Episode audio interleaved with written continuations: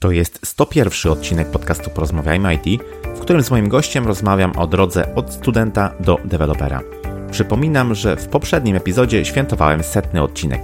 Wszystkie linki oraz transkrypcję dzisiejszej rozmowy znajdziesz pod adresem porozmawiajmyit.pl łamane na 101. Ocena lub recenzja podcastu w Twojej aplikacji jest bardzo cenna, więc nie zapomnij poświęcić na to kilku minut.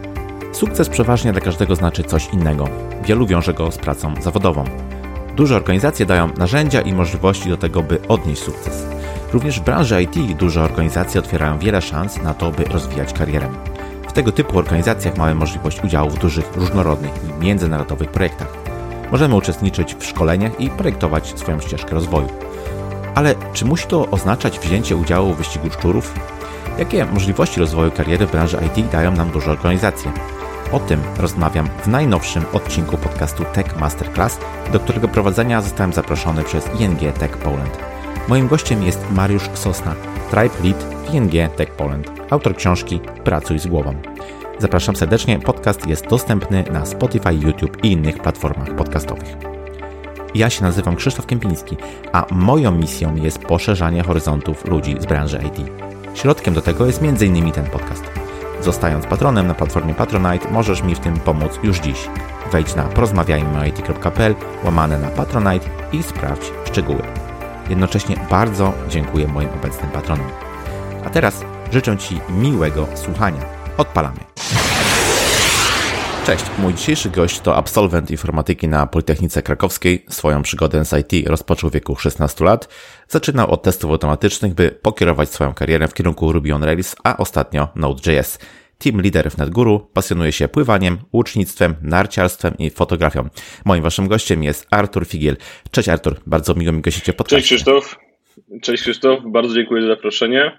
Dzięki śliczne przyjemność po mojej stronie. A z Arturem porozmawiamy sobie dzisiaj o drodze od studenta do dewelopera.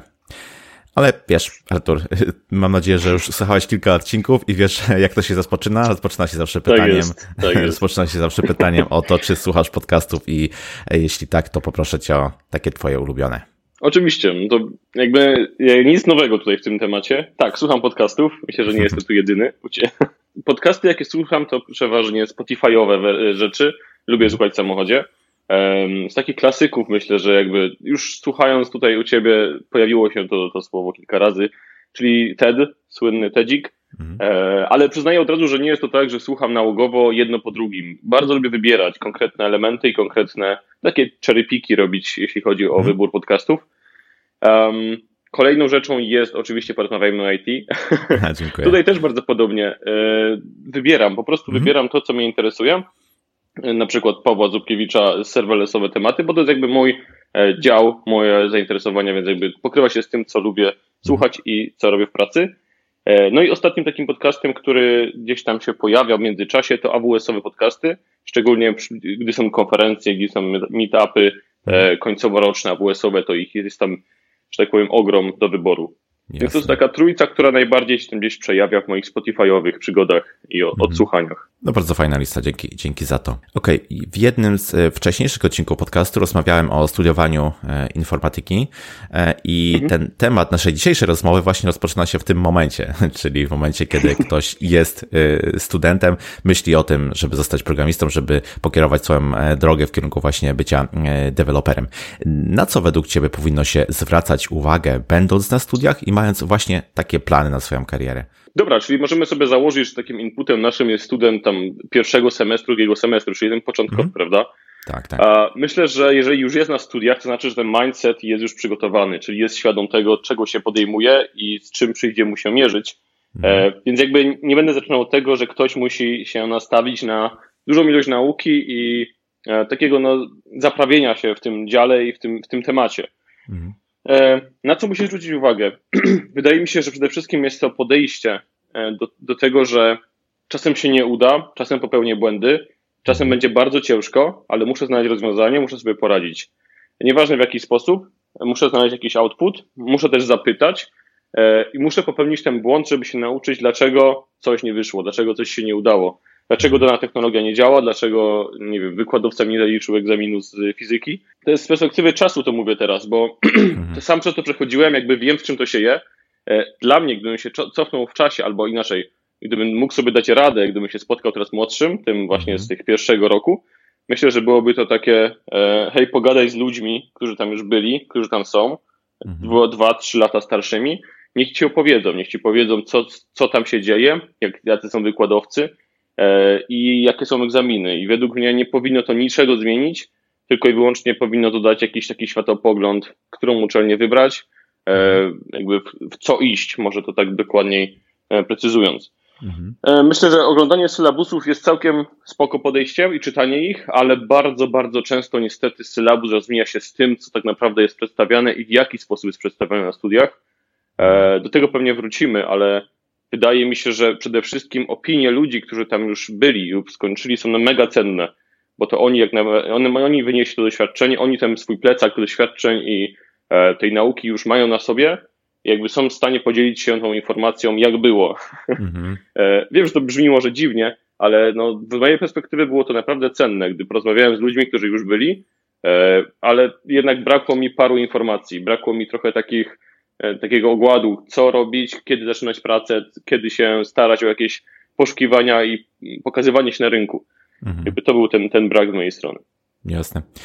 No właśnie, to jest bardzo dobra rada, bo przeważnie ludzie są mili i chcą się dzielić taką wiedzą. Nie? To nie jest tak, że powiedzmy gdzieś tu mhm. będą chować, ukrywać albo będą nas jakoś zwodzić. No zazwyczaj po, po prostu podzielam się tą informacją, jak, jak, jak było, więc, więc szkoda by z tego nie, nie skorzystać.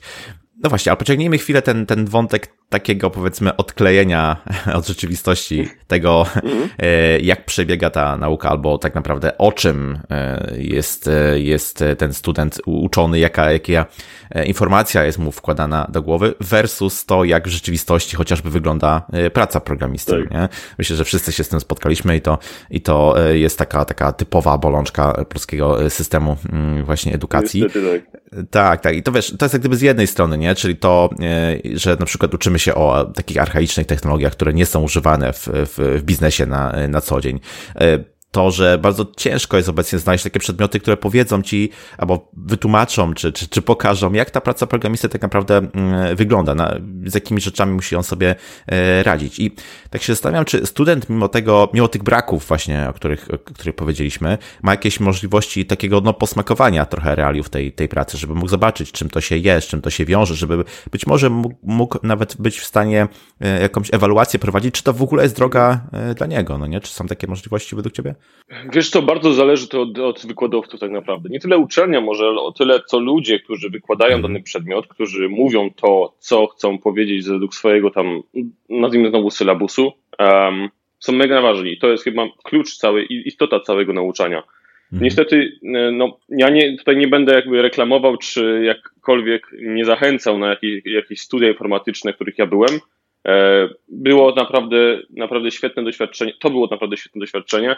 Poznałem masę fajnych ludzi, to było dla mnie najważniejsze. E, I zauważyłem właśnie taką, taką dysproporcję, jeśli chodzi o wykładowców. Była naprawdę grupa świetnych wykładowców, którzy mimo, że mieli archaiczne tematy, mimo, że zajmowali się dziełami, które naprawdę, no wydaje mi się, były cofnięte o 10 lat, jeśli chodzi mhm. o porównanie biznesu i tego, co się dzieje na rynku, to mimo wszystko starali się znaleźć powiązanie z tym, co jest teraz, a z tym, co mają na kartce do przedstawienia. Mhm. E, I jakby to jest ta to jest ta cała idea, żeby nie, jakby nie nastawiać się na to, że ja będę uczył się o archaicznej Javie jakiejś bankowej e, z x lat temu, wersji x lat temu, e, mhm. bo mimo wszystko to się może przydać. Każda, każda z tych rzeczy, która jest wykładana na uczelni, tak pospolicie mówiąc, naprawdę może się przydać. I to jest coś jak nauczanie, mm, gdy dzieci się buntują w jakimś tam okresie gimnazjalnym kiedyś, dlaczego muszę się uczyć tych wszystkich przedmiotów różnych, mhm. E, po co mi to, jak tego nie użyję. To jest tak samo tutaj. Są przedmioty, które się naprawdę nie przydają. Szczególnie pierwszy rok, gdy jest tak zwany odsiew, gdy student zmierza się z fizyką, matematyką i naprawdę nie rozumie, jak tak zaawansowane rzeczy i tak e, dogłębne rzeczy mogą mu się przydać w generowaniu tak zwanych crudów czy e, robieniu frontów. Mhm. Ale no, jakby to jest naprawdę ważne i ten umysł musi się uczyć, musi się poszerzać, e, musi poznawać nowe rzeczy. E, dla mnie też mega fajne jest to, że taka nau takie nauczanie i te przedmioty różne, od elektrotechniki po inne tematy, dały taką odskocznię. Mhm. E, dały taką odskocznię od kodowania, dały taką odskocznię od poznawania tego świata. Także mogłem jakoś resetować ten umysł, e, ucząc się kolejnych rzeczy to ćwiczenie umysłu jest, jest ważne, nie? żebyśmy mimo wszystko jednak no, ćwiczyli zwoje, które będziemy używać. To raz, a dwa, no okazuje się, że poznanie tych podstaw e, bardzo często może się ujawnić w najmniej spotykanym e, czasie, nie? Kiedy, kiedy faktycznie Dokładnie. na bazie tego będziemy musieli gdyby czegoś się douczyć, albo nie wiem, posiadając jakieś tam podstawy, pójdzie nam po prostu znacznie szybciej. Dokładnie. A z tym się... Mhm. Jedno zdanie tylko bym dokończył jeszcze, tak. że um, Wydaje mi się, że żadna uczelnia nie jest w stanie przygotować na to, co się dzieje na rynku i na to, na to co się dzieje teraz, jakby w tym momencie. Jest mhm. jednak to opóźnienie, taki trochę lag studijny, który powoduje, że no, on wynosi jednak, myślę, że rok spokojnie, dwa, co już, co już jest naprawdę dużo, jak wiemy, w świecie IT. E, w świecie, gdzie paczki JS-owe są produkowane w ilości set na godzinę, na dzień może. Mhm. E, więc e, to jest taki głupi przykład, ale jakby nie, uczelnia nie jest w stanie nad, nadgonić tego pędu, który narzucany jest przez biznes połączony z IT, mhm. tylko stara się jakby modelować tę naukę w stronę rzeczy, które są niezmienne, które są jakby dają fundament i podstawę do dalszego kroczenia i wyboru własnej ścieżki. Mhm. No właśnie, ta ilość tych frameworków dziennie, to no okej, okay, no z jednej strony to jest taki me memogenny wątek, tak no ale, ale no trochę, trochę w tym jest e, prawda, że faktycznie technologia pędzi coraz szybciej na, na, napiera e, i rozpędza się do takiego, e, powiedziałbym już do takiej wartości, że bardzo ciężko jest nadążyć na tym, nie? I tak no w tym wszystkim dokładnie. ci studenci, tak, ci studenci mogą się gdzieś tam y, pogubić, mogą się zastanawiać, że faktycznie uczenie się, powiedzmy, takich rzeczy, które są może trochę odklejone od tych, y, od rzeczywistości, w sensie, że nie wiadomo do czego się y, przydadzą, czy to, czy to w ogóle ma, ma sens. I tu się pojawia takie duże pytanie, czy y, warto iść y, maksymalnie szeroko, próbować poznać chociażby, no nie wiem, na różne, skupmy się na tej informatyce, na studiowaniu informatyki, mhm. na y, poznaniu maksymalnie szeroko różnych technologii, różnych gałęzi, różnych specjalizacji, czy też może próbować już w miarę szybko jednak wybrać sobie tę specjalizację mhm. i jak gdyby sfokusować się na tym, na tym fragmencie, żeby zostać no już jakimś tam specjalistą po, ty, po tych studiach, żeby mieć tą specjalizację i znacznie łatwiej wejść, wejść na studia, co, na rynek pracy oczywiście. Co to ty myślisz? Wiesz co, trochę jest tu problematyczna, może nie pytanie, ale problematyczna sytuacja, bo zakładamy studenta, który jest na początku swojej kariery, czyli tego pierwszoroczniaka tak zwanego, e, jakby skąd on ma wiedzieć, jakby, no skąd on ma wiedzieć, co za jaka specjalizacja jest dla niego, jakby mhm. co on chce robić, gdzie jest ta ścieżka, które drzwi, które drzwi ma obrać, może w ten sposób. To jest duży problem, bo e, wielu studentów pyta, co dalej, po tej informatyce, co do tej specjalizacji, co z nauką rzeczy w domu, po godzinach tak zwanym, no mhm. wydaje mi się, że nie ma szans tak naprawdę, żeby student takiego pierwszego, drugiego semestru e, był w stanie już powiedzieć, jaką specjalizację wybierze. Mhm. To jest naprawdę niemożliwe teraz. Być może ktoś się składa, skłania ku jakiemuś tam, nie wiem, hobby, ku jakiemuś tam, e, ktoś z rodziny koduje i, i zapatrzył się i chce robić to samo. Jakby nie jest, to, nie jest to do końca też dobre, ale no zawsze, zawsze jakiś wybór kierunku, mhm. zawsze jakaś pomoc, to jest całkiem spoko. Powiedziałeś o tym, czy powinien się skupić, czy poszerzać swój umysł. Ja byłem kiedyś na konfie, która bardzo fajnie była podsumowana przez panią e, psycholożkę, która powiedziała, że są dwa mhm. typy nauki tak naprawdę, skaner i nurek, może kojarzysz. Tak, I tak. wydaje mi się, że początkowym typem studenta jest właśnie taki skaner, i to jest jego zadanie. Poznać jak największą ilość, zeskanować jak największą ilość danych, e, nawet jednostkowo, nawet pojedynczych, ale zapamiętać, nauczyć się, wpoić to do siebie, tak żeby potem przekształcać się w takiego nurka. Zanurkować do danej technologii, zrobić sobie tam tego seniora, eksperta e, w danej dziedzinie, jakby być na rynku pod już znakiem takim swojej marki eksper eksperckiej, jeśli chodzi o daną rzecz. Mhm. E, I przede wszystkim tutaj taka rada e, spokojnie, nie? Pierwszy rok to nie służy temu, żeby wybierać specjalizację. Początek studiów nie jest po to, żeby już sobie kształcić taką drogę, e, już planować tą drogę na 100%. Wydaje mi się, że to przychodzi z czasem, doświadczeniem. Mhm. I takie nagłe decydowanie wcale nie może, może nie pomóc w tym, co robimy i to, co mówimy. Tak, czyli ten, ten osławiony T-shape model, nie? Kiedy mamy w miarę tak szeroko pojęcie o wielu różnych rzeczach, a jesteśmy specjalistami mm. z jednej dziedziny. Teraz to się coraz bardziej przekształca tak zwany P-shape model, nie? Kiedy mamy jakieś tam dwie, powiedzmy, od, e, od nogi. No ale, ale wiadomo, dobrze jest mieć mimo wszystko e, tą linię poziomą, czyli ma, mieć, mieć po prostu jakieś pojęcie szersze o wielu, wielu różnych rzeczach. Ale wiesz, no mhm. teraz jak gdyby znowu przechodzimy do tego, że e, tych różnych specjalizacji na rynku już nawet pracy, czy w ogóle w takiej dziedzinie wiedzy, jaką jest informatyka, jest bardzo dużo. Kiedy tak. e, ja kończyłem studia, było dużo prościej. Było dużo prościej, bo istniało tak naprawdę tylko kilka gałęzi. One były skumulowane, w sensie no, nie istniało coś takiego jak backend czy, czy, czy frontend. To, to był po prostu deweloper, web developer, który tworzył na przykład, na przykład strony czy aplikacje. Teraz jest tego dużo, dużo więcej, nie? Mamy mnóstwo tych e, odnóg. DevOpsów, nie DevOpsów. Tak, tak, tak. Każdy ma swoją dziedzinę, dokładnie. Co roku, co roku jakaś, jakaś tam nowa, nowa specjalizacja się wyłania. No i ci młodzi ludzie mogą być tym mocno zdezorientowani, zwłaszcza, że um, mam wrażenie, że dla takich osób ta drabinka dojścia do, do, do, do specjalizacji, czyli, czyli jaką wiedzę musi wchłonąć, dajmy na to, tak? Przez jakie, jakie e, etapy przejść, może być bardzo, bardzo niejasna. Nie wiem, co byś radził takim, e, takim osobom? Jak tutaj nie oszaleć w tym, w tym zamęcie?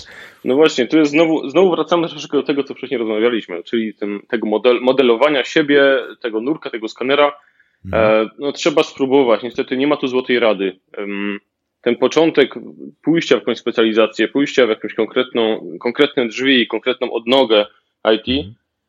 naprawdę jest e, szaleństwem na ten moment, bo tak jak mówisz, dawniej było bardzo proste. Kodzisz albo nie kodzisz. Taki full stack był jakby podstawą wyjścia po studiach. Tak. E, jednakże wydaje mi się, że to jest nadal, nadal istniejący model, nadal, nadal istniejący trend, że e, człowiek wychodzący po studiach musiał próbować wszystkich tych rzeczy związanych z IT, przynajmniej większość tych rzeczy, które są potrzebne teraz na rynku, e, mhm. z uwagi na to, co oferują studia i co robią, bo znaczy, to, co mówię, opieram troszeczkę też doświadczenie. Mam w rodzinie ludzi, którzy są właśnie na pierwszym roku studiów, drugim roku studiów i widzę, co robią, widzę, jakie elementy są poruszane i ten sylabus faktycznie, tak jak dawniej nie, w ogóle nie było mowy o chmurach i o tym, żeby cokolwiek było z tym dotykane i jakkolwiek robione, tak tutaj widzę, że no już to wchodzi, już to jest na tych studiach, już to się dzieje. Także fajnie, że to postępuje, fajnie, że tego się uczą. Być może dzięki temu właśnie będą w stanie określić sobie specjalizację, określić to, w jakim kierunku idą, co chcą robić. No, muszą sami spróbować. No nie? nie ma tutaj jakby złotej rady. E, to, co polecę na pewno, to popytać, poszukać, poczytać, e, w czym się dany dział zajmuje, co mnie kręci, co, co tak naprawdę sprawia mi przyjemność. E, takim idealnym myślę, zadaniem byłoby postawi, postawić sobie jakieś zadanie do zrealizowania, nawet nie wiedząc, jak to zrobić, ale spróbować. Jest na internecie na pewno wszystko, co potrzebujemy. Spróbować to zrobić, czy to w części DevOpsowej, czy frontowej, czy nie wiem, PM-owej, nawet jeśli trzeba. Zaplanować sobie jakieś zadanie, które wykonamy Niech to będzie źle, niech to nie działa, niech to będzie brzydkie, ale żeby to zrobić. Mhm. To myślę, że to naprawdę da taki trochę światopogląd na to, od czego jakby zacząć, w co iść. Co, co mi się podoba? To jest takie ważne pytanie, które trzeba sobie samą postawić. Tak, bardzo, bardzo trudne pytanie, ale faktycznie dotknąłeś tutaj, myślę, kwintesencji, że takie nauczanie czy uczenie się w praktyce to jest to, co, co, co działa e, najlepiej. No i tak, oczywiście można gdyby próbować samemu, nie? Można sobie postawić jakieś ambitne zadanie i e, próbować to rozwiązać mm, bez jak gdyby zastanawiania się, jaka jest jakość tego. Nie, tutaj, mhm. nie, to, nie o to pewnie chodzi, nie? Ale też taką drugą jak gdyby mm, możliwością jest po prostu spróbowanie swoich sił gdzieś tam w jakiejś pracy, nie? I tutaj gdyby Dokładnie, też zmierzenie tak. się z, z, z realiami projektu, z jakimś faktycznie e, komercyjnym zadaniem, dajmy na to, nie? I czy, czy według Ciebie takie połączenie studiowania i pracy, no może na trochę dalszych już rocznikach niż, niż pierwszym, czy to jest dobry sposób, e, żeby, żeby jakoś rozwijać e, się, żeby przyspieszać mhm. ten, ten swój rozwój? Cóż, to jest też temat rzeka, wierzę o tym doskonale. Mm. Przejawia się chyba na wszystkich możliwych rozmowach, jeśli chodzi o studiowanie i pracę. Mm. Tak samo o targach, nie targach. E, to zależy, to jest taki złoty, złota odpowiedź na to. Ja nie chcę narzucać tutaj, broń Boże, jakkolwiek e, takiej metodyki pracy i metodyki rozwoju samego siebie, by, nie wiem, na drugim, trzecim semestrze już chodzić po wszystkich rekrutacjach, jakie się tylko da i już łapać. Nie o to w tym chodzi. E, myślę, że na wszystko musi mieć swój czas. Trzeba trochę dojrzeć na tym początkowych stadium studiowania, by potem móc pójść na rekrutację z taką trochę ogładą i pokorą do, i szacunkiem do tego, co jakby chce robić. Um, tak, jak według mojego doświadczenia teraz może powiem, dla mnie było to super i ja tak naprawdę no, bardzo rekomenduję takie podejście e, szukania pracy na tym trzecim, czwartym semestrze, piątym w górę. E, mimo wszystko zostawienia sobie tego początkowego etapu na naukę, na zdanie egzaminów, na takie mm, oszlifowanie swojej wiedzy, Mhm. Tak, żeby potem mieć czas na wszystko. no, stan idealny, no nie? Kiedy studiujemy i mamy te, powiedzmy, pół etatu już w IT i możemy już czerpać to doświadczenie od starszych kolegów, koleżanek, e, ale nie jest tak, jak wiemy na, na polskim rynku, nie? zwłaszcza teraz, no nie? gdy jest ta epoka covidowa, mhm. bardzo mało tak naprawdę jest tych pozycji juniorskich, tak żeby spokojnie aplikować i móc wybierać. Ja to jak mhm. najbardziej rozumiem. Pamiętam, że jak ja szukałem właśnie pracy tej pierwszej, takim właśnie początkowym studiu, czasie studiowania, no było tego znacznie więcej i to, co robiłem i to jest taki jakby e, może nie protip, ale pewno każdy to zna, to gdy wybierze się już firmę, której chce się uderzyć, warto jest popróbować w innych firmach rekrutacji a to samo stanowisko, jeśli jest taka mhm. możliwość. Jakby przygotować się, to jest jedyna opcja, jaką możemy się przygotować. Jak możemy się przygotować?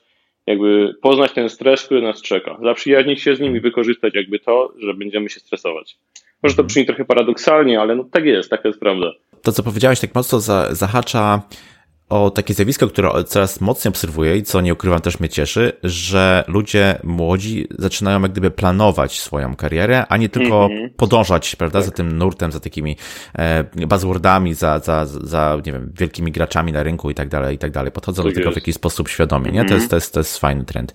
Um, zastanawiam się, czy według Ciebie osoba, która no wiesz, no nie ma jeszcze powiedzmy tych doświadczeń zawodowych za bardzo, nie? Albo dopiero co weszła na rynek, zaczyna się gdzieś tam e, rozglądać. Czy taka osoba jest w stanie sobie taki plan w jakiś sposób rozsądny e, ułożyć? Taki, wiesz, myślę tutaj o możliwości w ogóle realizacji tego typu e, planu. Czy on nie będzie zbyt ambitny, za mało ambitny, nie? Mm -hmm. czy, czy, czy, czy w ogóle planowanie kariery w IT, zwłaszcza na jej początku, w takim rynku pracy, który się zmienia niesamowicie dynamicznie, czy to ma, ma, ma sens? Wiesz co, to jest dobre pytanie, bo tak naprawdę takie planowanie i jakby rozrysowanie swojej ścieżki rozwoju kariery jest szalenie trudne teraz, zwłaszcza teraz, gdy, mm. no, tak jak mówiliśmy wcześniej, te, o tych odnóg i tych możliwości, tych ścieżek i dróg jest teraz multum.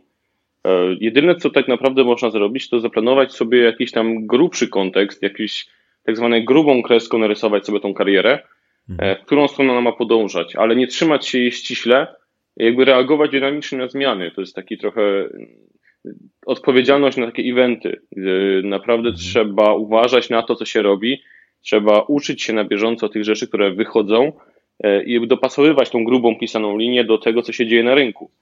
A mhm. samo planowanie i samo jakby rysowanie tej linii no, powinno się odbywać na pewno pod okiem kogoś, kto już ma jakieś doświadczenie. Jakby samemu będąc na początkowym takim e, powiedzmy stadium znowu nauki, nie zaplanujemy sobie, możemy oczywiście planować sobie, że będziemy CEO którejś tam nowojorskiej e, hmm. firmy, ale no, trzeba mieć jakby mierzyć siły na zamiary, trzeba jakby dopasować sobie to, co chcemy robić, to w co chcemy iść i co jest tak naprawdę wartościowe na rynku, do tego naszego hobby. Często jest tak, że młodzi studenci i młodzi jakby ludzie będący na tych pierwszych e, rocznikach, powiedzmy drugich, trzecich, czyli początkujący w IT, często obierają swoją ścieżkę na podstawie wynagrodzenia, na podstawie tego, jakie cyfry widzą tam na tak. ogłoszeniach w naszych stronkach. Mm, niestety to się różnie kończy. Mhm. Bardzo różnie kończy, no bo tak, pracujemy po to, żeby zarobić, ale też nie pracujemy po to, żeby się wypalić i żeby po roku, dwóch już nie mieć ochoty w ogóle patrzeć na kodzik. Hmm. Jest, jest dosyć to taka duża pułapka tak naprawdę, i takie zachłyśnięcie się liczbami czasem i tym, co oferują takie firmy dla nowych ludzi, no może być kuszące, a jednocześnie tak naprawdę niszczące w tym mhm. planowaniu i w tym, co chcemy robić. Dlatego mówię, popróbować, popytać i nabrać doświadczeń od ludzi, którzy już mają jakiś bagażnik za sobą, już coś wiedzą. No naprawdę jest skarb. Tak, zgadzam się absolutnie. E, taką, takim określeniem, czy taką dobrą heurystyką, jeśli chodzi właśnie o, o, to, o to planowanie, o którym powiedziałeś, i też jak gdyby psychologia mówi, że to dosyć fajnie działa, jest określenie sobie celów, które są ambitne, ale jak gdyby mhm. są jeszcze możliwe dla, do realizacji przez nas, nie? Bo tak jeśli coś jest mm, słabo ambitne, tak. mało ambitne, to wiadomo, że nas nudzi, a jeśli jest niemożliwe do realizacji, no to, to również nas y, odrzuca, więc jest trochę... Takie catchy, tak, tak jest, dobrze mówisz. Tak, mhm. tak, dokładnie, nie? Teraz taki temat, który mam wrażenie nadałby się pewnie na serię podcastów, a nie na pojedyncze pytanie, ale, ale mimo wszystko chciałbym Cię o to zapytać, czyli oszukanie, e, oszukanie pracy. No właśnie, co tutaj jest jak gdyby takie kluczowe, na co według Ciebie warto e, zwrócić uwagę, co może nie jest zbytnio istotne, a, a jest takim e, powszechnie przyjętym mniemaniem, na co młodzi ludzie zwracają uwagę. Jakie rady mhm. mógłbyś tutaj polecić? Cóż, to jest, tak jak mówisz, nie? seria podcastów, w ogóle podręcznik do napisania, myślę, że spokojnie z tego mógłby powstać, e, z czego każdy byłby całkowicie inną książką. Um, myślę, że pierwszym takim punktem, który jakby mogę sobie odnotować, to taki syndrom, impostor syndrom, na pewno większość ludzi zna, mhm. polecam się z nim zapoznać. Jeżeli ktoś szuka pracy i jest świadom tego, z czym się wiąże informatyka, z czym się wiąże programowanie, z czym się wiąże no, wszelkie struktury związane z IT i, i biznesem, to już ma jakąś wiedzę. Już wie, w co chce iść, powiedzmy sobie przynajmniej ogólnie. Już chce aplikować na tego juniora w danym tam zakresie swoich, swoich e, hobby czy e, no, zainteresowań. Nie wiem, załóżmy, że frontend lub backend, obojętne. Mhm. I trzeba na pewno ostrożnie podchodzić do tego syndromu impostora, tego syndromu oszusta, oszusta, oszukiwania samego siebie, bo Często jest tak, że juniorzy bardzo nie wierzą w to, co mówią. Bardzo często ściszają ton głosu, gdy nie są pewni. Mhm. E, bardzo często są to dobre odpowiedzi, a mimo wszystko boją się tych odpowiedzi, są niepewni tych odpowiedzi, z uwagi na kontakt z kimś doświadczonym, z uwagi na kontakt z kimś, kto może jakby, może nie, mm, to jest może źle powiedziane, ale wyśmiać daną osobę, mhm. E, że czegoś nie wie. Tak jest to odbierane. To jest prawda, chociaż nigdy w życiu czegoś takiego nie, czegoś takiego nie spotkałem, to niestety juniorzy tak to odbierają.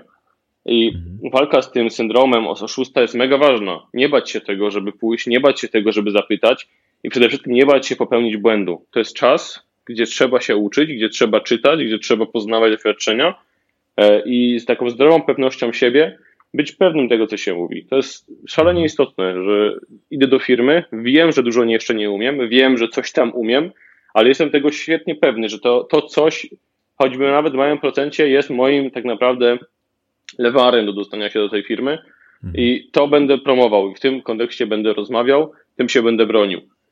E, mega ważne jest motto. Dla mnie bardzo istotne, szczególnie gdy rozmawiam z ludźmi, jest takie motto: jeszcze tego nie wiem, ale znajdę się nauczę i to zrobię.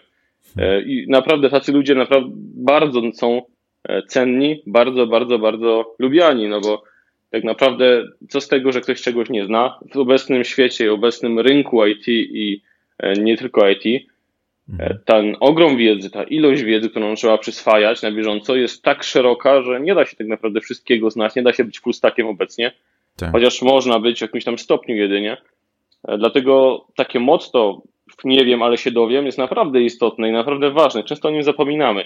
I na rekrutacji, gdy ktoś czegoś nie wie i słyszy odpowiedź, no nie wiem, nie zrobię tego, koniec, kropka, no to jednak jest trochę gorszy odbiór niż nie wiem, ale zaraz to znajdę i ogarnę, jak to zrobić. Mhm. Bardzo polecam takie podejście. Wiele, wiele firm bardzo sobie to ceni i naprawdę wybierze taką osobę, bo wie, że ona będzie chciała coś dowieść, będzie chciała jakiś, um, jakąś konkretną rzecz zrealizować, mimo tego, że nie wie tego, jak to zrobić. Mhm. E, I tutaj też zaczepimy troszeczkę o tą umiejętność przyznania się do błędu. E, jakby wielu juniorów, wielu, wiele osób szukających pracy boi się do tego jakby podejść takim otwarciem, otwartym podejściem. Nie wiem, e, zrobiłem błąd, pomóż, pomóż mi to naprawić, wytłumacz mi, dlaczego to nie działa.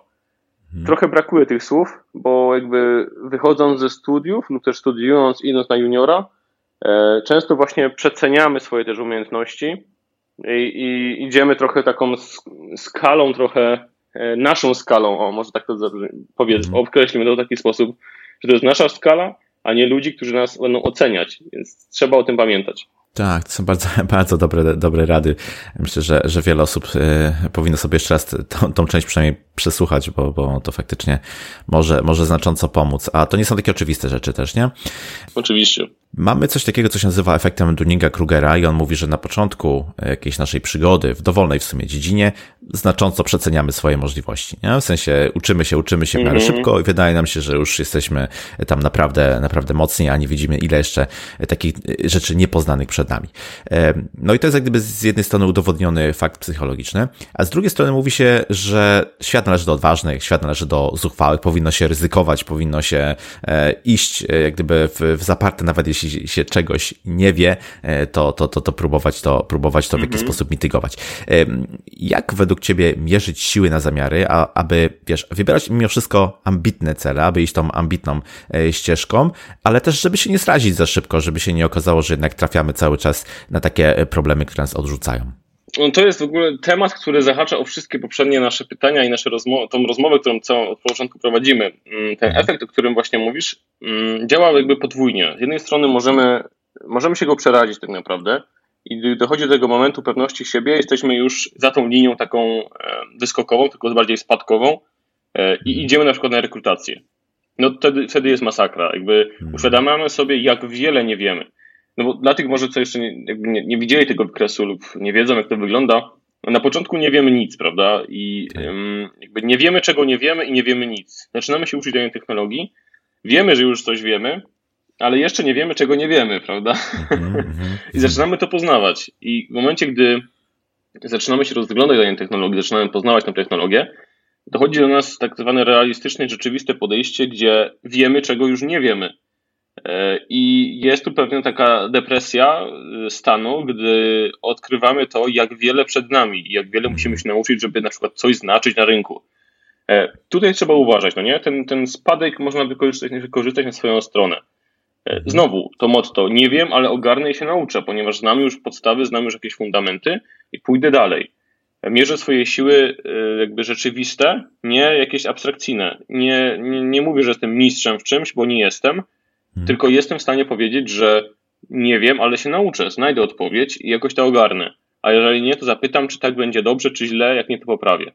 Jakby hmm. tą ideologią warto iść, e, nie narzucać sobie jakichś e, wyimaginowanych eksperty z samego siebie, e, bycia ekspertem w czymś, czym się nie jest. I no trzeba na to uważać bardzo. Bardzo trzeba uważać na ten właśnie spadek, na tą depresję, która jest charakterystyczna po rozpoczęciu nauki danej rzeczy Mhm. Oczywiście nie mówię tu o ludziach, którzy mają x lat doświadczeń i wiadomo, zaczynają się uczyć jakichś rzeczy i po prostu widzą mhm. szablonowo już podejście danego języka, chmury, czegokolwiek innego. Mhm.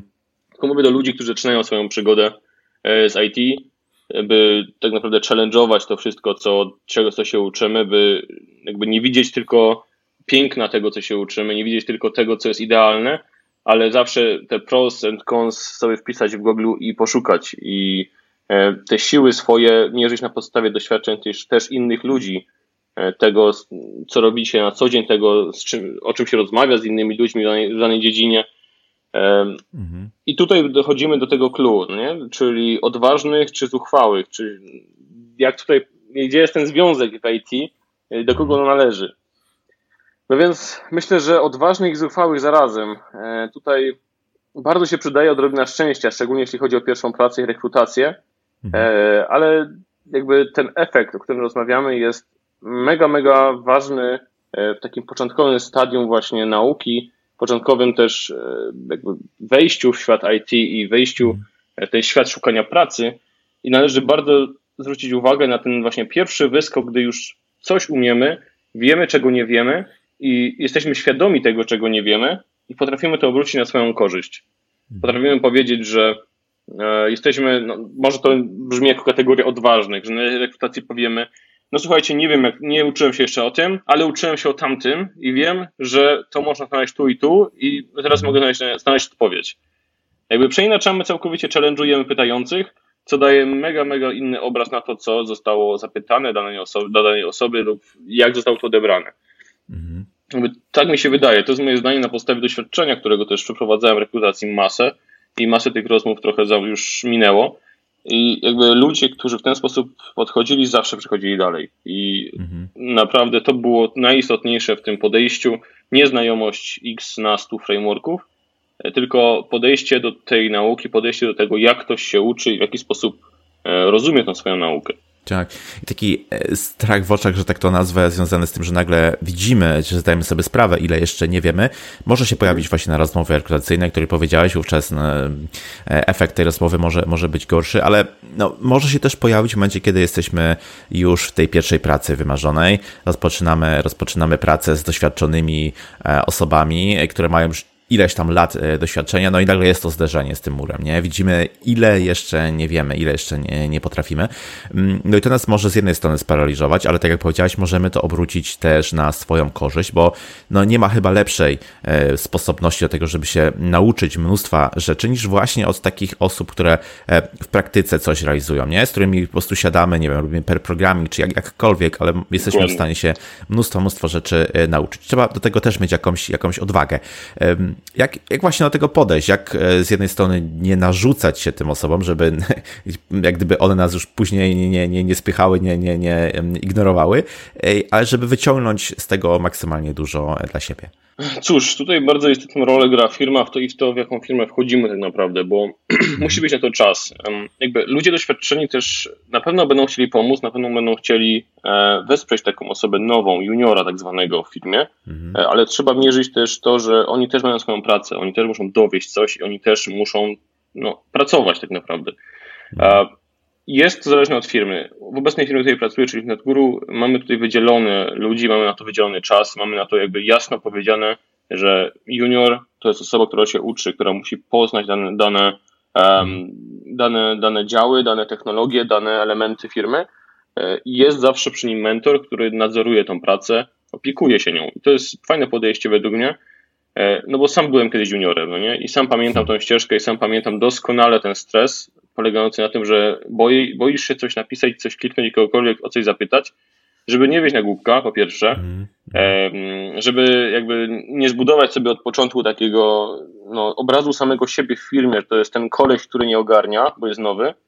Mm. Jakby z perspektywy czasu uważam, to było bardzo głupie. W sensie, nie, że tak robiłem, ale to, to podejście wydaje mi się bardzo głupie, ponieważ junior to jest osoba, która się uczy, która ma z szacunkiem i pokorą podejść do tego tematu, zapytać, poszukać rozwiązania.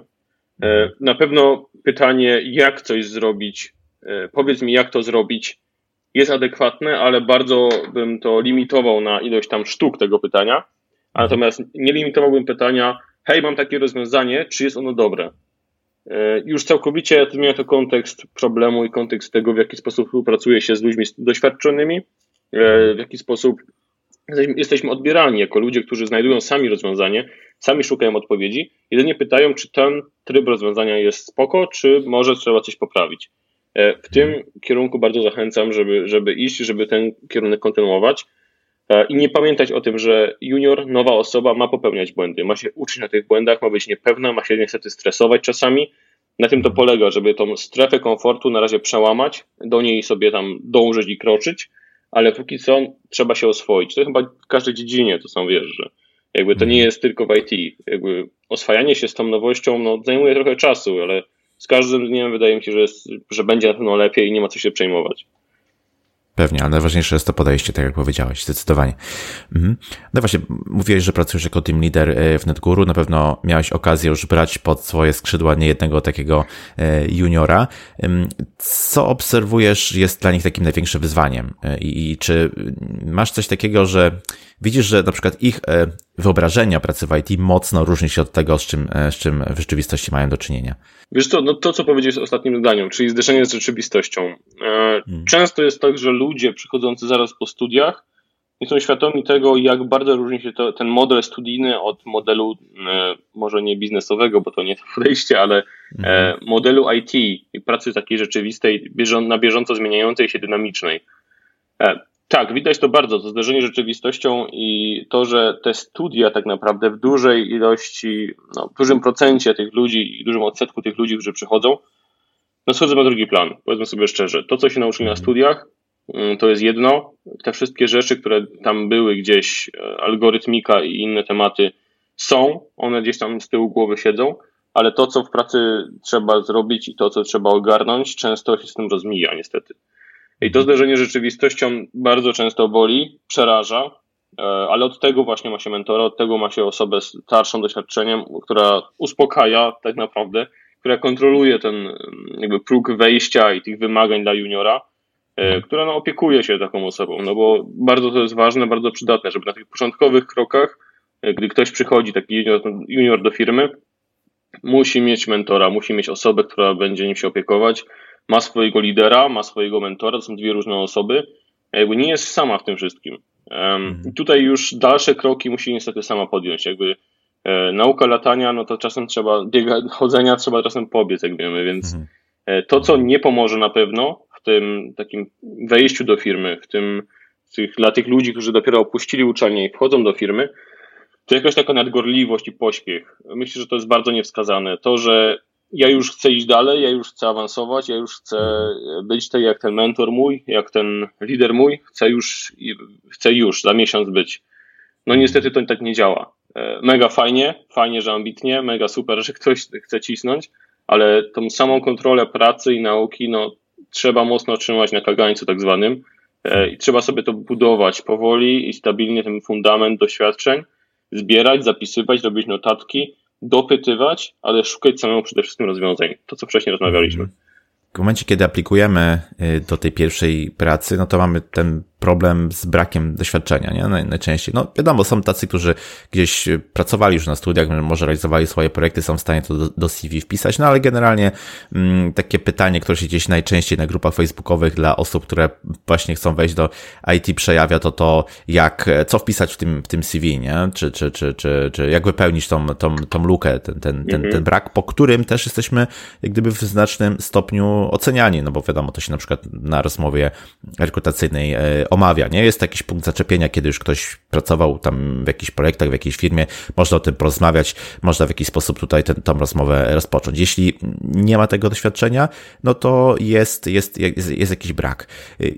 Jeszcze dodatkowo obecnie sytuacja na rynku pracy też nie jest, nie jest łatwa dla tych osób, no bo co by nie mhm. było, ten rynek Prawda. pracy jednak gdzieś, prawda, e, bardziej jest otwarty dla osób właśnie z, taki, z takim większym doświadczeniem. Jakie są według Ciebie takie metody, żeby się wyróżnić, czy jak, jakie atuty pokazać, gdzieś tam wytłuścić w tym, e, w tym CV, jeśli nie mamy doświadczenia, a chcemy, żeby no, to CV było jakoś e, dobrze odebrane przez rekrutera? Jasne. Um Wiesz co, przede wszystkim może taka anegdotka, jak ja rekrutowałem się na juniora, pamiętam, poświęciłem chyba dwa tygodnie na tworzenie CV, w którym nic nie było tak naprawdę, ale Photoshop i inne sprawy, tak naprawdę tak. takie tak zwany CSS, kolory i, te, i, i inne i ikonki, e, to było na pierwszym miejscu. W odpowiedzi pamiętam, nie pamiętam, że jaka ta firma była, dostałem hej, fajne CV, ale wypełnij tabelkę. I tam była tabelka z Excela, która ma po prostu pięć rubryk E, doświadczenie, projekty i tak dalej, imię, nazwisko, okay. telefon. I to było, to było moje pierwsze zderzenie z rzeczywistością, które zapamiętam do końca życia.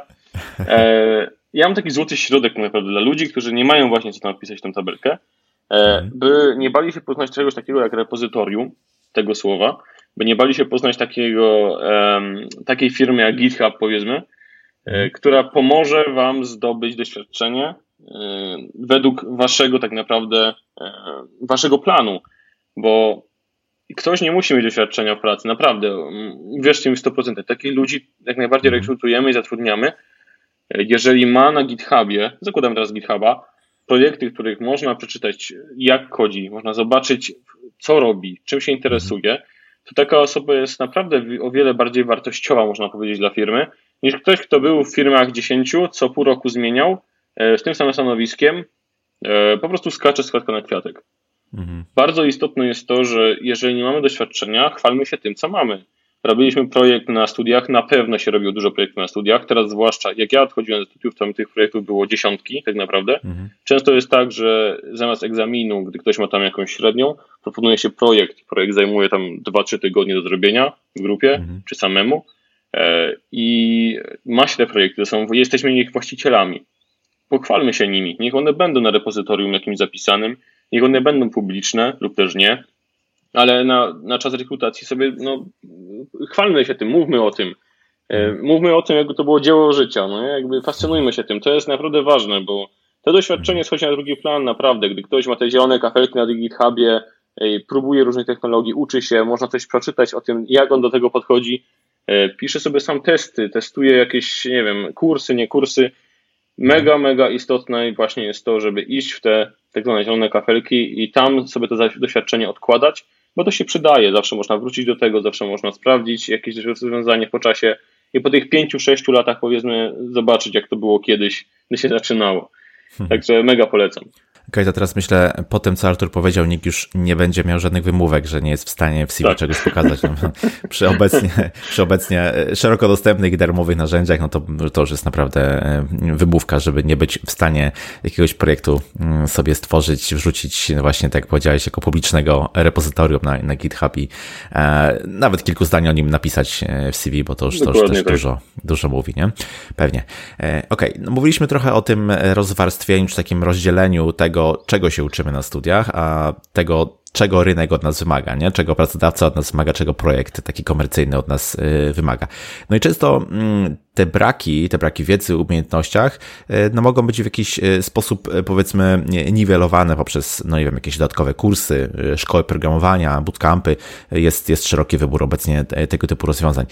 Spotykasz się z takim podejściem, czy, czy, czy na przykład osoby, które do ciebie trafiają, też są po takich szkołach, kursach, bootcampach? Jakie masz do tego podejście? E, wiesz co, to jest dobry temat w ogóle. E, też się kiedyś o to może nie bałem, ale byłem ciekaw, jak to się z czasem rozwinie, e, bo mhm. nastała taka era właśnie bootcampów tak zwana, czyli mhm. szukanie rozwiązań, szukanie nauki poprzez tutoriale i inne rzeczy. Ciężkie, ciężkie, ciężko do tego może stworzyć jakąś odpowiedź sensowną. Tak naprawdę nie mam jednoznacznej odpowiedzi. Z mojego doświadczenia warto jest zrobić to i uczyć się tego, co aktualnie, z czym aktualnie pracujemy i co robimy. E, nie ma tak naprawdę możliwości, że jeżeli zrobimy sobie jakiś, e, bez żadnej reklamy, nie, ale tutaj taki mem typowy, kurcik na Udemy, na promce Black mhm. Friday za złotówkę czy za darmo, e, tak. z technologii, która totalnie nam nie jest nie, po drodze, będziemy to analizować, uczyć się, zrobimy notatki, zdamy jakiś certyfikat, to gwarantuję, że jeżeli nie będziemy z tym pracować, nie będziemy robić tym projektów, nie będziemy cokolwiek z tym robić, to po pół roku, roku jesteśmy od, zaczynamy od zera nie pamiętamy nic. No, tak jest z każdą rzeczą, którą robimy, uczymy się i, i no, nie jest tu żadnej, przepraszam, nowości nie powiedziałem. Mhm. Tak więc e, nie będę generalizował, nie będę mówił, że bootcampy nic nie dają, bo na pewno dają, bo ludzie spędzają naprawdę wiele czasu. Sam znam znajomych, którzy pracują jako nauczyciele programowania e, i widziałem, ile tam poświęcają czasu, energii i jej, jakie zadania przygotowywują i naprawdę jest, odwalają kawał, kawał dobrej roboty. Ale należy pamiętać, żeby jakby, żeby, jakby, żeby nie przekładać tego głodu wiedzy i tego, tego chęci rozkmin nad te bootcampy, nad te tutoriale, nad te kursy, bo one mają tylko pomagać. One mają jakby mhm. kreować, mają tworzyć te nowe elementy w głowie, rozszerzać to doświadczenie, ale nie tak naprawdę mówić, że po tym kursie idziesz do mhm. pracy i już jesteś ogarnięty. No niestety to tak nie działa. Nie spotkałem się na rekrutacji tak naprawdę z osobą, która zrobiła taki kursik czy bootcamp i no powiedzmy sobie szczerze, była ogarnięta na tyle, e, żeby, żeby spokojnie pracować. I o wiele bardziej, o wiele istotniejsze było, byli ludzie, którzy, tak jak mówiliśmy wcześniej, mają repozytorium, mają projekty, mają jakieś rzeczy swoje własne, e, niż ktoś, kto napisze sobie w CV, że zrobił jakiś kurs na Udemy czy gdziekolwiek indziej. No, mhm. to jest właśnie ta różnica. Własna mhm. nauka, własna chęć dowiadywania się, a takie kursiki. No tak, tutaj drogi na skróty niestety, niestety nie ma. E, wiesz, tak sobie myślę, że najlepiej się uczyć na, na błędach innych, nie? Niż, niż, niż na swoich, o, chociaż tak. E, te, te są najbardziej bolesne e, i pewnie naj, na dłużej zostają w pamięci, ale mimo wszystko mądrzej jest się uczyć na błędach innych. Dlatego chciałbym Cię zapytać, czy Ty popełniłeś jakieś błędy, które teraz z perspektywy czasu dostrzegasz na tej swojej drodze właśnie od studenta do, do programisty i czy gdybyś mógł, to cokolwiek byś zmienił teraz? Pewnie. Wiesz co, masę błędów tak naprawdę. I może i dobrze, z perspektywy czasu jakby dało mi to trochę inny światopogląd i na to, co robię i będę robił. Ale z takich podstawowych na pewno to polecam na tym etapie studyjnym zwłaszcza, gdzie no bądź co bądź wiele osób ma ten tryb siedzący, można powiedzieć. Pamiętać o takich trzech hobby, które do których się dążymy, czyli hobby dla zdrowia, hobby dla zarobku i hobby dla spokoju ducha.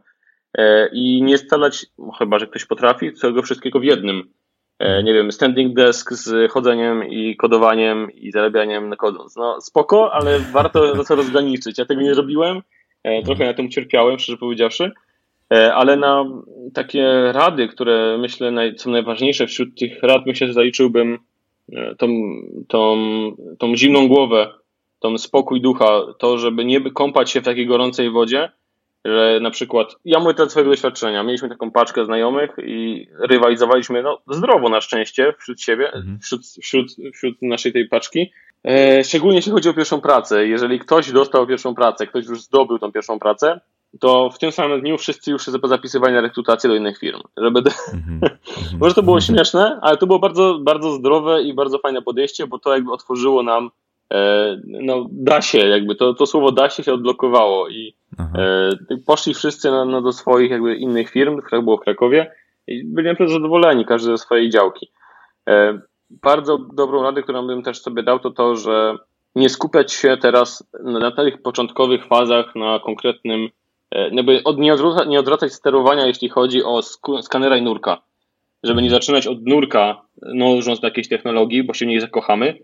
E, znowu, mówiłem kiedyś taki półwykład, powiedzmy sobie, czy to były zajęcia, czy ćwiczenia ze studentami pierwszego roku. Uczyliśmy wtedy jakiegoś frameworka, po prostu była, taka była prośba ze strony uczelni. I tam podchodzi do mnie student i pyta, czy zrobimy y, wykłady, czy zrobimy ćwiczenia z robienia Wiedźmina wtedy było to wtedy hmm. czasy wiedźmińskie i okay. ja się trochę zdziwiłem, ale z drugiej strony zastanowiłem, no dlaczego chciałbyś? No bo jest fajny, no bo wszyscy to kupują, wszyscy o tym mówią. Hmm. Aha, no i jakby, a robiliście Java, nie? Pytania po prostu ogólnie. Nie, nie, nieważne, my chcemy wiedzieć, jak się robi Wiedźmina, jakby co trzeba umieć, co trzeba zrobić, jak się tam dostać. No i wiesz, tu się zderzamy z tym, że ktoś zagłębia się w daną technologię, jest ekspertem, super, mhm. ale nie wolno zapomnieć o tym, E, o tym jakby skanowaniu, o tym szukaniu informacji w innych dziedzinach, o tym, że nie istnieje tylko ta jedna technologia i to, że każdy jest kowalem, a to, jakie narzędzie dobierze do problemu, to jest najważniejsza rzecz i chyba klucz całej naszej pracy.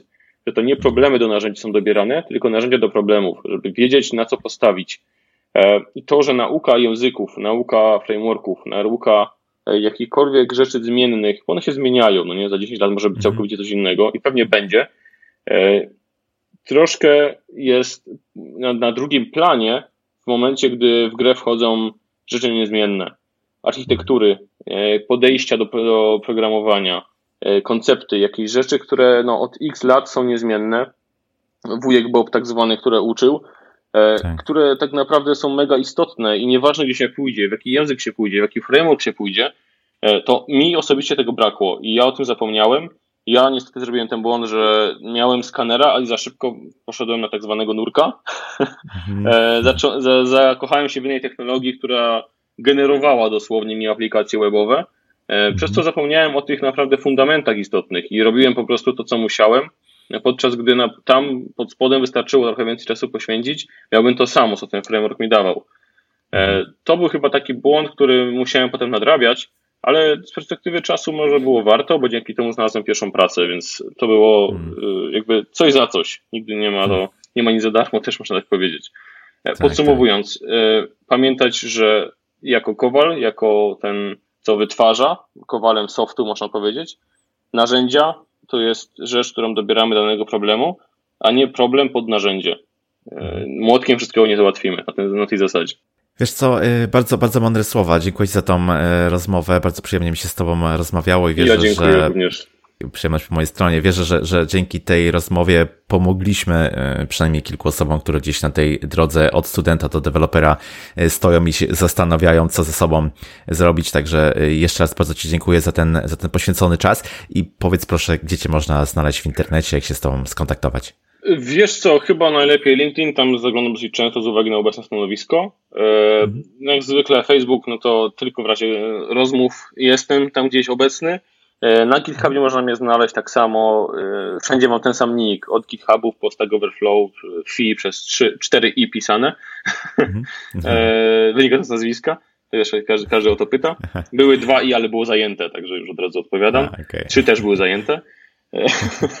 Myślę, że to są takie podstawowe środki. No i oczywiście mail. E, mailowo zawsze jestem, czy to ten firmowy z końcówką NetGuru, czy ten gmailowy. E, specyfikacja pracy, której teraz, której teraz stanowisko, której pracuję, wymaga tego, żebym cały czas był responsywny i komunikatywny, więc na bieżąco tutaj jestem, zawsze można mnie znaleźć. Nigdy żaden mail nie trafia do spamu z takich pytań, z takich rzeczy, które e, są istotne. Super, świetnie. To oczywiście dodam te linki do notatki do odcinka. Z mojej strony jeszcze raz bardzo dziękuję i do usłyszenia. Ja również. Trzymaj się, cześć. Do usłyszenia. Hej. I to tyle z tego, co przygotowałem dla Ciebie na dzisiaj. Mam nadzieję, że odcinek pomoże wszystkim tym, którzy studiują lub planują studiować z myślą o zostaniu deweloperem. Jeśli masz jakieś pytania, pisz śmiało na krzysztofmałpa.porozmawiajmyit.pl Zapraszam też do mediów społecznościowych.